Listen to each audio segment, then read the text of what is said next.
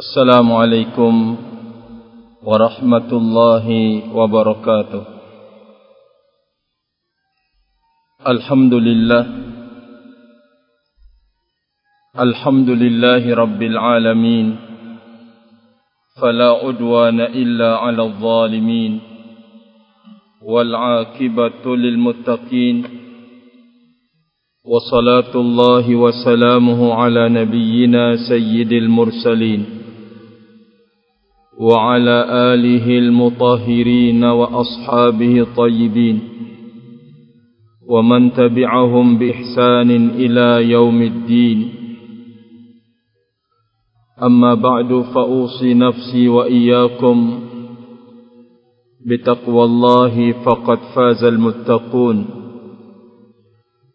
قال الله عز وجل في كتابه يا أيها الذين آمنوا اتقوا الله حق تقاته ولا تموتن إلا وأنتم مسلمون. معاشر المسلمين dan muslimat rahimani wa rahimakumullah Alhamdulillah Kembali kita mendulang nikmat Allah Azza wa Jalla. Setelah kita menunaikan Sebuah tugas yang besar kewajiban yang tinggi di hadapan Allah Azza wa Jalla salat maghrib secara berjamaah kita mencoba setelah amalan besar ini untuk membuka amalan besar pula melalui majlis at-tadzakur wat-tanasuh melalui majlis saling bertegur sapa saling ingat mengingatkan saling nasihat menasihati karena keutamaan sebuah perkumpulan di sebuah majlis ilmu terlalu banyak. Dirangkum melalui hadis-hadis Nabi sallallahu alaihi wa ala alihi wasallam. Di antaranya apa yang disebutkan oleh beliau sallallahu alaihi wasallam may yuridillahu bihi khairan yufaqihu fid din. Barang siapa yang Allah menginginkan buatnya kebaikan siapapun Laki-laki atau perempuan Anak kecil sampai orang tua Apakah dia berkulit hitam, berkulit putih Dan bagaimanapun statusnya di dalam hidup. Jika Allah Azza wa Jalla menginginkan dan membukakan buatnya kebaikan Allah Azza wa Jalla menjadikan dia faqih berilmu tentang agama Allah Azza wa Jalla. Kembali saya mengingatkan kalimat faqih di dalam hadis ini adalah orang yang belajar ilmu agama dan mengamalkan apa yang telah dipelajarinya. Mengamalkan apa yang telah diilmuinya. Seberapapun ilmunya maka di saat dia mengamalkan apa yang telah dipelajarinya dari ilmu agama maka inilah sesungguhnya orang yang disebut dengan faqih atau difaqihkan oleh Allah Azza wa Jalla. Kita berharap kepada Allah Subhanahu wa taala akan bantuan dan pertolongannya untuk selalu berada dalam ketaatan selesai membangun ketaatan kita ditolong dan dibantu kembali oleh Allah Azza wa Jalla untuk melakukan ketaatan yang keberikutnya. Karena inilah yang menjadi pesan Nabi sallallahu alaihi wa ala alihi wasallam di saat ujian-ujian hidup silih berganti datang di saat fitnah-fitnah itu menghempas kehidupan maka Nabi alaihi salatu wassalam berpesan dengan pesan agar kita umatnya selamat menghadapi ujian dan cobaan hidup itu. Apa kata beliau sallallahu alaihi wasallam dalam riwayat Imam Muslim dari sahabat Abu Hurairah radhiyallahu taala anhu beliau bersabda badiru bil a'mali fitanan ka qita'il lailil mudhlim yusbihu ar-rajulu mu'minan wa yumsi kafirah wa yumsi mu'minan wa yusbihu kafira. Yabi'u dinahu bi'aradhim minad dunya. Kata Rasulullah alaihi salatu wassalam bersegeralah kalian. Cepat. Jangan nunda-nunda. Bersegeralah kalian kata Rasulullah alaihi salatu wassalam untuk melakukan amal-amal soleh. Kenapa? Karena akan datang fitnah-fitnah kata Nabi alaihi salatu wassalam. Bagingat bagikan potongan malam gelap Sulit seseorang untuk bisa menerka dirinya selamat atau tidak. Sulit seseorang menerka dari mana didatangnya ujian dan cobaan itu. Bisa saja ujian itu datang dari harta bendanya. Ujian itu datang dari istrinya. Ujian itu datang dari anaknya. Ujian itu datang dari kedudukan dan posisinya semuanya itu adalah ujian yang kita tidak pernah tahu kapan dan dari mana datangnya segenap saudaraku kaum muslimin oleh karena itu Nabi alaihi salatu wassalam memberikan sebuah kiat jalan keluar untuk kita bisa selamat dari fitnah bergulir fitnah itu. Apa kata Rasul Ali Salatu Wassalam? Bersegeralah kalian untuk beramal, berkarya baik di muka bumi ini. Pesan dari Nabi alaihi salatu wassalam. Kenapa? Karena Nabi alaihi salatu wassalam telah menyebutkan sebuah akibat pedih dan pahit kenyataan yang terjadi di muka bumi ini. Di pagi hari seseorang beriman karena besar dan dahsyatnya fitnah dan ujian itu. Di sore hari dia menjadi kafir kepada Allah Azza wa Jalla. Begitu sebaliknya kata Rasul alaihi salatu wassalam. Di sore hari dia beriman tetapi di pagi harinya dia menjadi orang yang kafir kepada Allah Azza wa Jalla. Bahkan beliau alaihi salatu wassalam menyebutkan yabi dia melelang agamanya. Dia melelang keyakinannya. Dia melepaskan apa yang dia tahu dari kebenaran. Apa yang dia tahu dari ilmu agama ini dilepaskan, dilanggar karena ingin memperoleh secuil duniawi kata Rasulullah alaihi salatu wassalam. Setiap orang akan bisa terkenai oleh ujian dan fitnah itu. Tapi mari kita bersama-sama mewujudkan di dalam hidup pesan Nabi kita Muhammad sallallahu alaihi wa ala alihi wasallam. Pertama, agar kita segera jangan tunda-tunda. Di saat kita terjatuh di dalam kesalahan dan dosa, maka bentuk amal soleh yang kita harus lakukan dan segera membuka selebar-lebarnya pintu taubat. Jangan sampai kita menunda nanti. Jangan sampai kita mengatakan nanti di saat tua.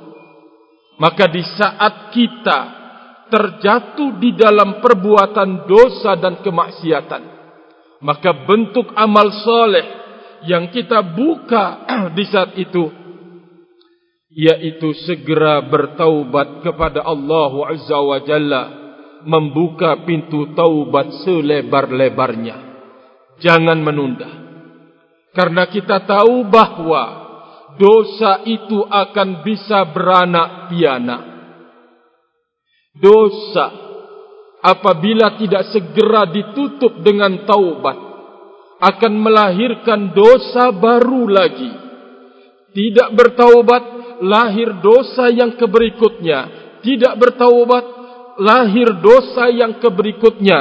Adzanbu yaksibut danba dosa yang tidak kemudian ditutup dengan bertaubat kepada Allah Azza wa Jalla akan menghasilkan akan melahirkan dosa yang keberikutnya. Rahimani wa rahimakumullahu jami'an.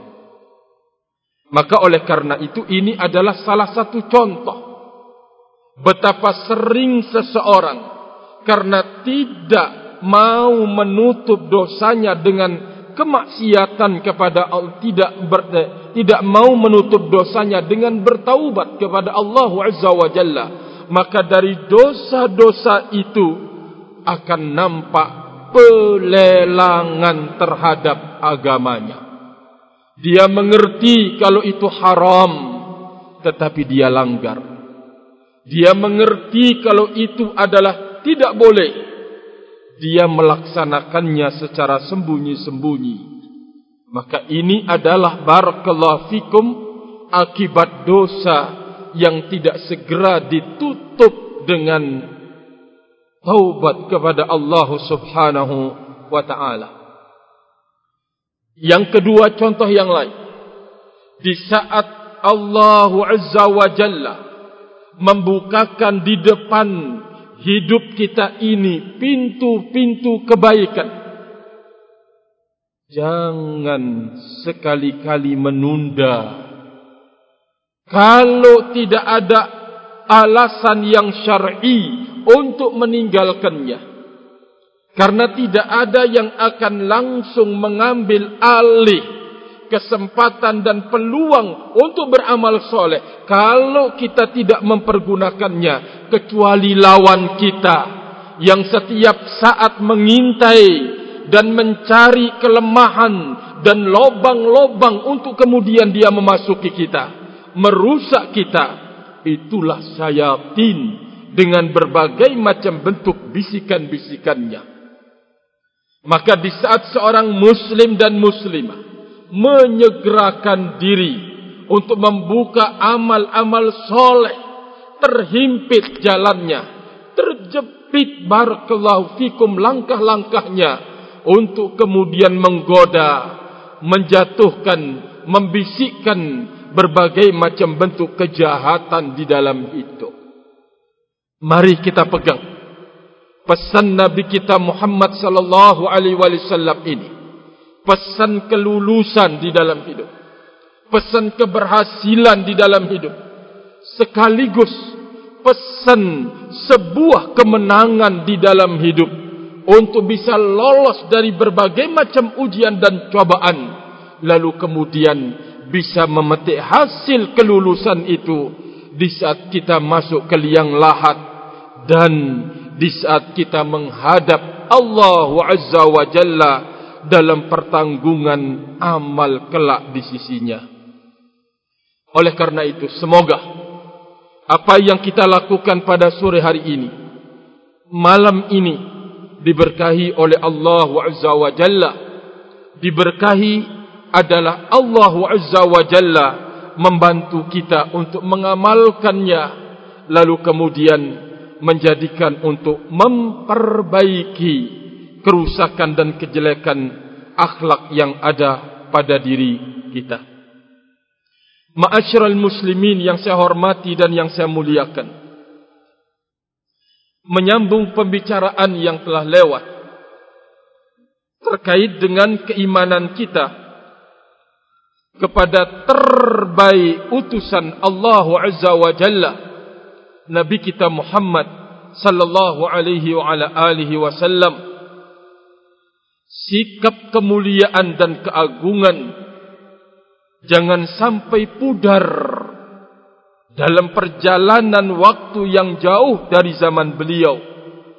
Yang kita maksud pudar itu adalah kita acuh tak acuh untuk menyambut ajakan dan seruan pilihan Allah Azza wa Jalla sebagai utusannya ke tengah-tengah hambanya yaitu Nabi kita Muhammad sallallahu alaihi wa ala alihi wasallam maka sikap di dalam hidup yang harus kita buktikan di hadapan pengutusan Allah manusia yang terbaik di dalam hidup. Nabi kita Muhammad sallallahu alaihi wasallam terangkum dalam satu taatuna fima amara. Nampak ketaatan kita terhadap segala yang diperintahkan oleh Nabi kita Muhammad sallallahu alaihi wa ala alihi wasallam. Taatuna. Ketaatan kepada Nabi kita Muhammad sallallahu alaihi wa ala alihi wasallam. Ketaatan kepada beliau adalah ketaatan yang bersifat mutlak. Berbeda dengan ketaatan kepada selain beliau. Apakah dia kepada seorang alim ulama waliullah atau mungkin seorang sahabat atau yang semisalnya? Maka ketaatan kepada mereka-mereka ini selain beliau disebut dengan ketaatan yang muqayyadah terbatas dan terikat. Apa batasannya batasan dan ikatannya selama mereka memerintahkan kita kepada ketaatan kepada Allah Azza wa Jalla dan Rasulnya Muhammad sallallahu alaihi wasallam di saat itu kita wajib mentaatinya. Tapi siapapun dia selain Nabi kita alaihi salatu wasallam menyuruh kita untuk melanggar aturan agama menyuruh kita untuk bermaksiat kepada Allah Azza wa Jalla maka kita tidak boleh mentaatinya walaupun dia adalah orang yang paling besar jasanya di dalam hidup kita ini. Kedua orang tua kita atau mungkin guru-guru dan ustad-ustad kita atau mungkin orang yang lebih lagi alim-alimnya kita yang telah membimbing. Kalau dia mengajak, menyeru, memerintahkan untuk bermaksiat kepada Allah Azza wa Jalla dan Rasulnya, maka tidak ada kewajiban taat sedikit pun. Kata Rasulullah alaihi salatu wassalam, La ta'ata li makhlukin fi maksiatil khaliqi. Tidak ada kewajiban taat kepada siapapun dari makhluk ini selain Nabi kita Muhammad sallallahu alaihi wasallam dari hamba ini siapapun dalam bermaksiat kepada Allah Azza wa Jalla. Maka ma'asyiral muslimin yang saya hormati terangkumnya satu di saat kita ingin menjadi terbaik menyambut utusan Allah Azza wa Jalla yaitu ta'atuhu fima amara mentaati utusan tersebut apa yang dia perintahkan. Ini pertama. Yang kedua, sebagai bukti penerimaan kita yang tulus dan ikhlas terhadap utusan terbaik Allah Azza wa Jalla ke tengah-tengah kita yaitu wa tasdiquhu fima akhbara. Membenarkan segala apa yang beliau informasikan dari berita-berita. Kendati pun berita itu adalah persoalan yang ada di alam gaib selama riwayatnya itu benar dari Nabi alaihi salatu wassalam maka kita harus mengingat selalu firman Allah azza wa jalla wa ma yantiqu anil hawa in huwa illa wahyu yuha. Beliau tidak berucap keluar dari hawa nafsunya melainkan wahyu yang diwahyukan oleh Allah Subhanahu wa taala. Berita masuk akal atau tidak masuk akal? Diterima berita itu oleh umat atau ditolak? Sesuai dengan budaya adat atau tidak sesuai? Maka kita wajib untuk membenarkan segala apa yang diinformasikan oleh nabi kita Muhammad sallallahu alaihi wasallam karena apa yang beliau bawa apa yang beliau perintahkan apa yang beliau informasikan benar-benar datangnya dari Allah Subhanahu wa taala maka di saat kita mendustakan beliau berarti kita mendustakan yang mengutusnya Nabi kita Muhammad sallallahu alaihi wa ala alihi wasallam. Ini yang kedua. Sikap yang ketiga yang harus kita buktikan kalau kita ingin menjadi orang yang jujur dalam menerima utusan Allah Azza wa Jalla terbaik manusia Nabi kita Muhammad sallallahu alaihi wasallam yang ketiga adalah wajtinabu ma naha anhu wa zajara menjauhkan diri meninggalkan apa yang beliau larang dan beliau cegah. Allahu akbar Allahu akbar. Ini kalau kita ingin bahwa kita ini benar-benar jujur mau menjadi menerima utusan Allah Azza wa Jalla terbaik manusia yang dia tidak akan mendustakan, yang dia tidak akan mengada-ngada, yang dia tidak akan berucap. Yang keluar dari hawa nafsunya. Semuanya adalah wahyu Allah Azza wa Jalla. Maka kita tidak boleh di saat kita diperintahkan olehnya kita banyak alasannya. Banyak uzur yang kita ungkapkan di dalam hidup di saat kita dipanggil oleh nabi kita Muhammad sallallahu alaihi wasallam untuk berbuat untuk bekerja untuk berkorban untuk berkarya banyak alasan yang kita munculkan. Alasan ini alasan itu bahkan sampai seseorang mengalahkan pengutusan Allah Nabi kita Muhammad sallallahu alaihi wasallam hanya karena tidak sesuai dengan adat istiadat. Bukankah itu adalah sebuah kejahatan dalam pandangan agama? Kalau sampai kita menyingkirkan utusan Allah Azza wa Jalla karena apa yang dibawa oleh utusan itu tidak sesuai dengan adat yang berlaku di kampung, di desa atau di masyarakat kita. Lalu kita tinggalkan utusan Allah Azza wa Jalla tersebut apa yang dibimbingkan lalu mengangkat apa yang kita sebut adat istiadat. Sebuah kekeliruan yang sangat besar wahai saudaraku kaum muslimin. Dan tidak pantas hal itu akan terjadi pada diri orang yang benar-benar beriman kepada Nabi kita Muhammad sallallahu alaihi wasallam. Apalagi kalau sampai kita menyingkirkan bimbingan beliau, arahan beliau dengan alasan budaya dan ajaran nenek moyang kita. Lalu kita tendang apa yang beliau bawa kita buang jauh-jauh tuntunan dan bimbingan utusan tersebut. Maaf, maaf. Bukankah pantaskah kalau sikap kita ini, saya dan segenap saudaraku, dianggap ini kurang ajar.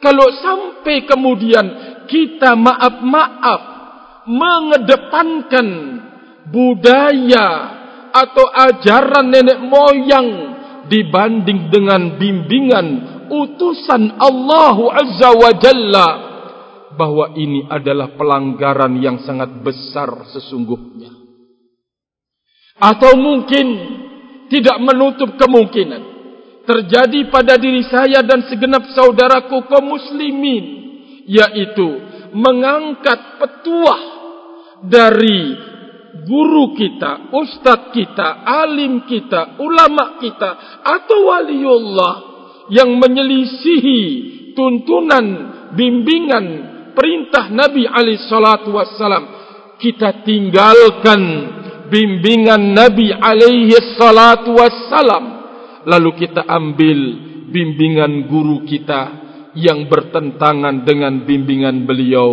maaf maaf Bukankah ini adalah kesalahan dan sikap yang tidak tepat dan salah? Maaf, maaf kalau bahasa kasar. Ini kurang ajar namanya. Kalau sampai membuang utusan Allah Azza wa Jalla. Jangan terjadi pada diri kita wahai saudaraku kaum muslimin. Kalau kita benar-benar ingin merealisasikan bentuk keimanan kita kepada Rasul alaihi salatu wassalam. Ini yang ketiga menjauhi segala apa yang beliau larang dan beliau cegah. Dan yang terakhir sikap keimanan kita kepada utusan Allah Azza wa Jalla wa Allah yu'badallahu illa bima syara'ah. Kita tidak boleh melakukan pengabdian, ibadah, pendekatan diri kepada Allah Azza wa Jalla. Kita tidak boleh mewujudkan ibadah kita kepada Allah Azza wa Jalla tanpa melalui tuntunan dan syariat beliau alaihi salatu wassalam. Karena beliau diutus oleh Allah Azza wa Jalla untuk membimbing dan memberitahukan perkara-perkara yang dengannya seseorang bisa beribadah kepada Allah Azza wa Jalla. Beliau digelari sebagai Abdullah wa rasuluh sebagai hamba Allah ubudiyah beliau kepada Allah azza wa jalla adalah bentuk ubudiyah yang paling tinggi satu. Yang kedua bentuk ubudiyah beliau sallallahu alaihi wasallam kepada Allah adalah ubudiyah yang paling sempurna.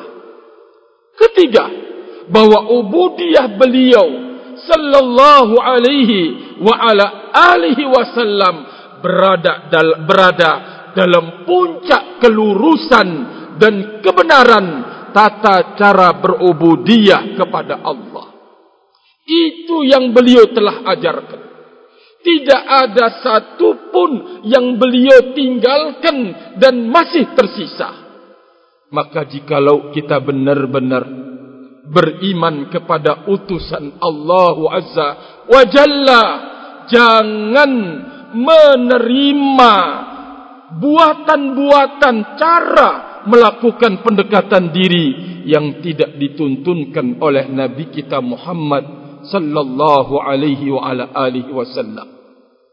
Inilah gambaran kebenaran di dalam mewujudkan keimanan kepada Nabi kita Muhammad sallallahu alaihi wa ala alihi wasallam. Kalau kita sudah merangkum di dalam hidup empat perkara ini kita bisa meyakinkan melalui ayat-ayat Al-Quran dan sunnah-sunnah Nabi alaihi salatu wassalam engkau adalah orang yang paling dekat dengan Allah. Satu.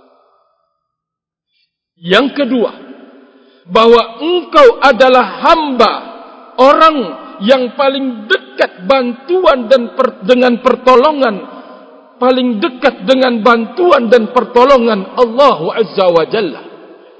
Ketiga, bahwa engkau adalah seorang hamba yang akan mampu merealisasikan kebahagiaan hidup di dunia dan juga di akhirat.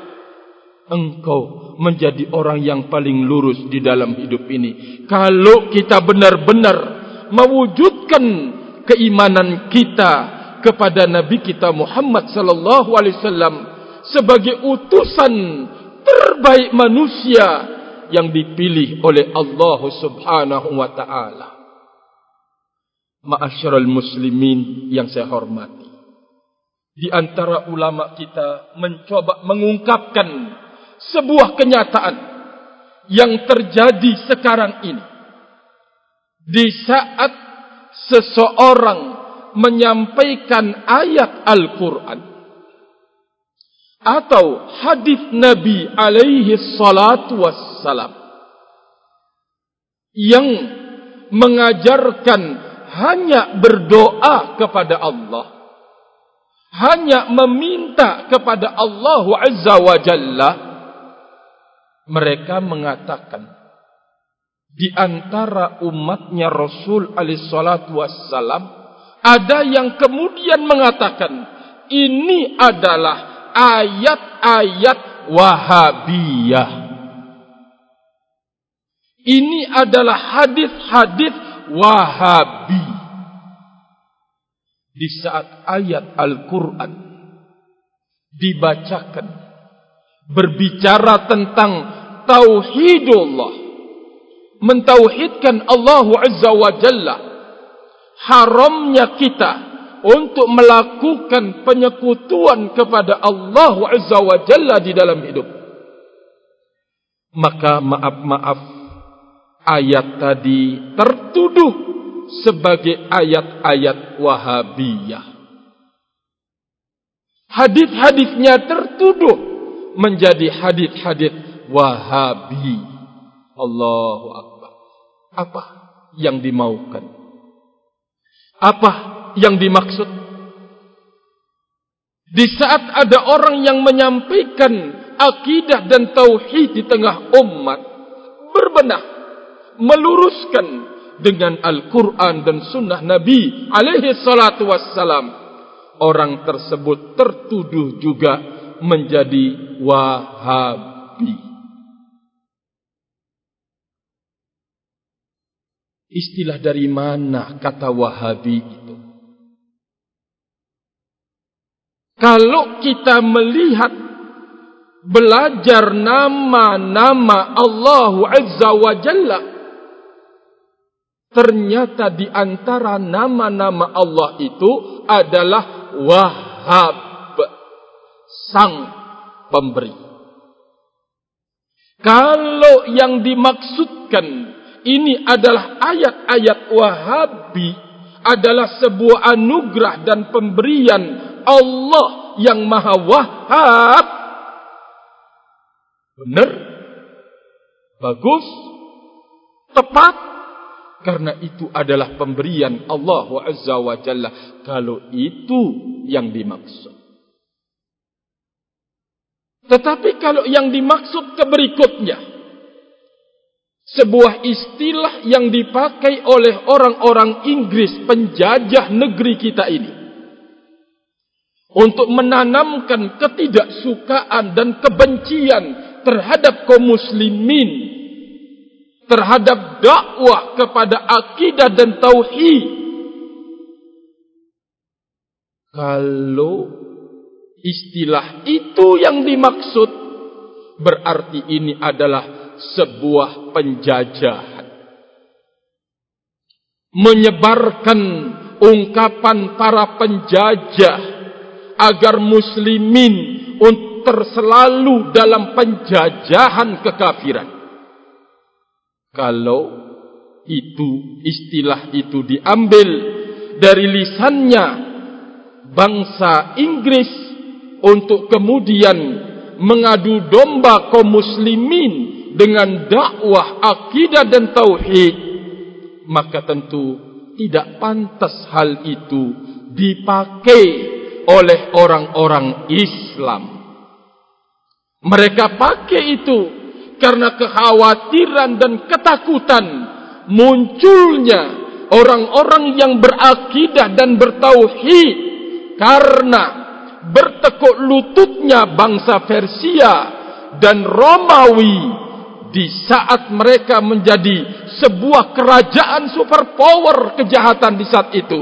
Tunduk di bawah kaki tangan di bawah kaki para sahabat Nabi Ridwanullah alim ajma'in. Karena mereka adalah orang-orang yang berakidah dan orang-orang yang bertauhid benar kepada Allah Azza wa Jalla.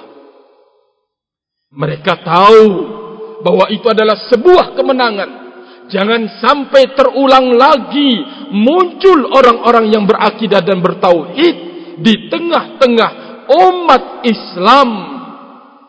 Oleh karena itu, mereka melakukan adu domba dengan istilah ini antara muslimin dengan muslimin. Mereka tepuk tangan. Muslimin yang kemudian perang menghabisi, membunuh mereka-mereka yang dikatakan Wahabi itu barakallahu fikum. Mari kita bangun kembali wahai saudaraku kaum muslimin. Hilangkan dan lenyapkan jangan ada istilah-istilah orang kafir untuk kemudian melecehkan dan mencela serta menghadang dakwahnya para nabi dan rasul agar umat ini menjadi merdeka di dalam hidup dengan akidah dan tauhidnya. Menjadi orang yang tidak akan tunduk dan patuh kecuali kepada Allah Azza wa Jalla. Orang yang menjadi terbaik di muka bumi ini dengan aturan Allah Subhanahu wa taala. Mereka merdeka sesungguhnya. Maka tidak ada yang mengembalikan penjajahan hidup itu kecuali kesyirikan sebagai dosa yang paling besar kepada Allah Azza wa Jalla. Dan dosa mengada-ngada dalam urusan agama. Berikutnya kemaksiatan-kemaksiatan. Kita harus memerangi semuanya itu. Membantu pemimpin-pemimpin kita. Para pemerintah pemerintah kita. Kita bantu. Aparatur negara kita bantu untuk memerangi kejahatan besar di dalam hidup yaitu kejahatan yang muncul dari diri kita sendiri karena perbudakan yang dilakukan oleh iblis dan bala tentaranya. Maka jikalau ada penolakan dari diri kita dengan belajar akidah dan belajar tauhid, maka mereka yang ingin merusak negeri kita, mereka yang ingin menghinakan anak negeri ini, mereka tidak mampu berbuat apa-apa.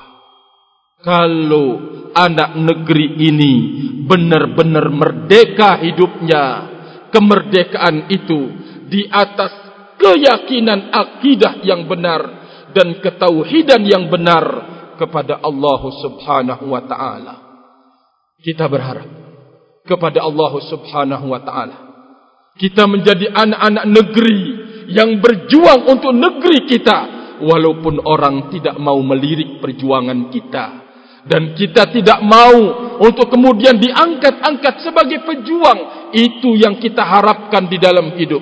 Kita berkontribusi besar terhadap negeri kita ini dengan membenahi anak-anak kaum muslimin, mengajarkan agama mereka, mengajarkan akidah kepada mereka agar mereka tumbuh menjadi pemuda dan pemudi yang berjiwa besar untuk mengisi negeri kita ini barakallahu fikum. Wallahu taala alam bisawab wallahu taala alam bisawab mungkin ini yang bisa saya sampaikan pada kesempatan kali ini.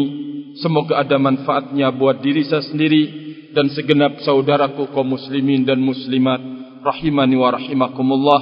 Wa akhiru da'wana anil hamdulillah subhanakallahumma bihamdika ashhadu an la ilaha illa anta astaghfiruka wa atubu ilaik. Wassalamu alaikum warahmatullahi wabarakatuh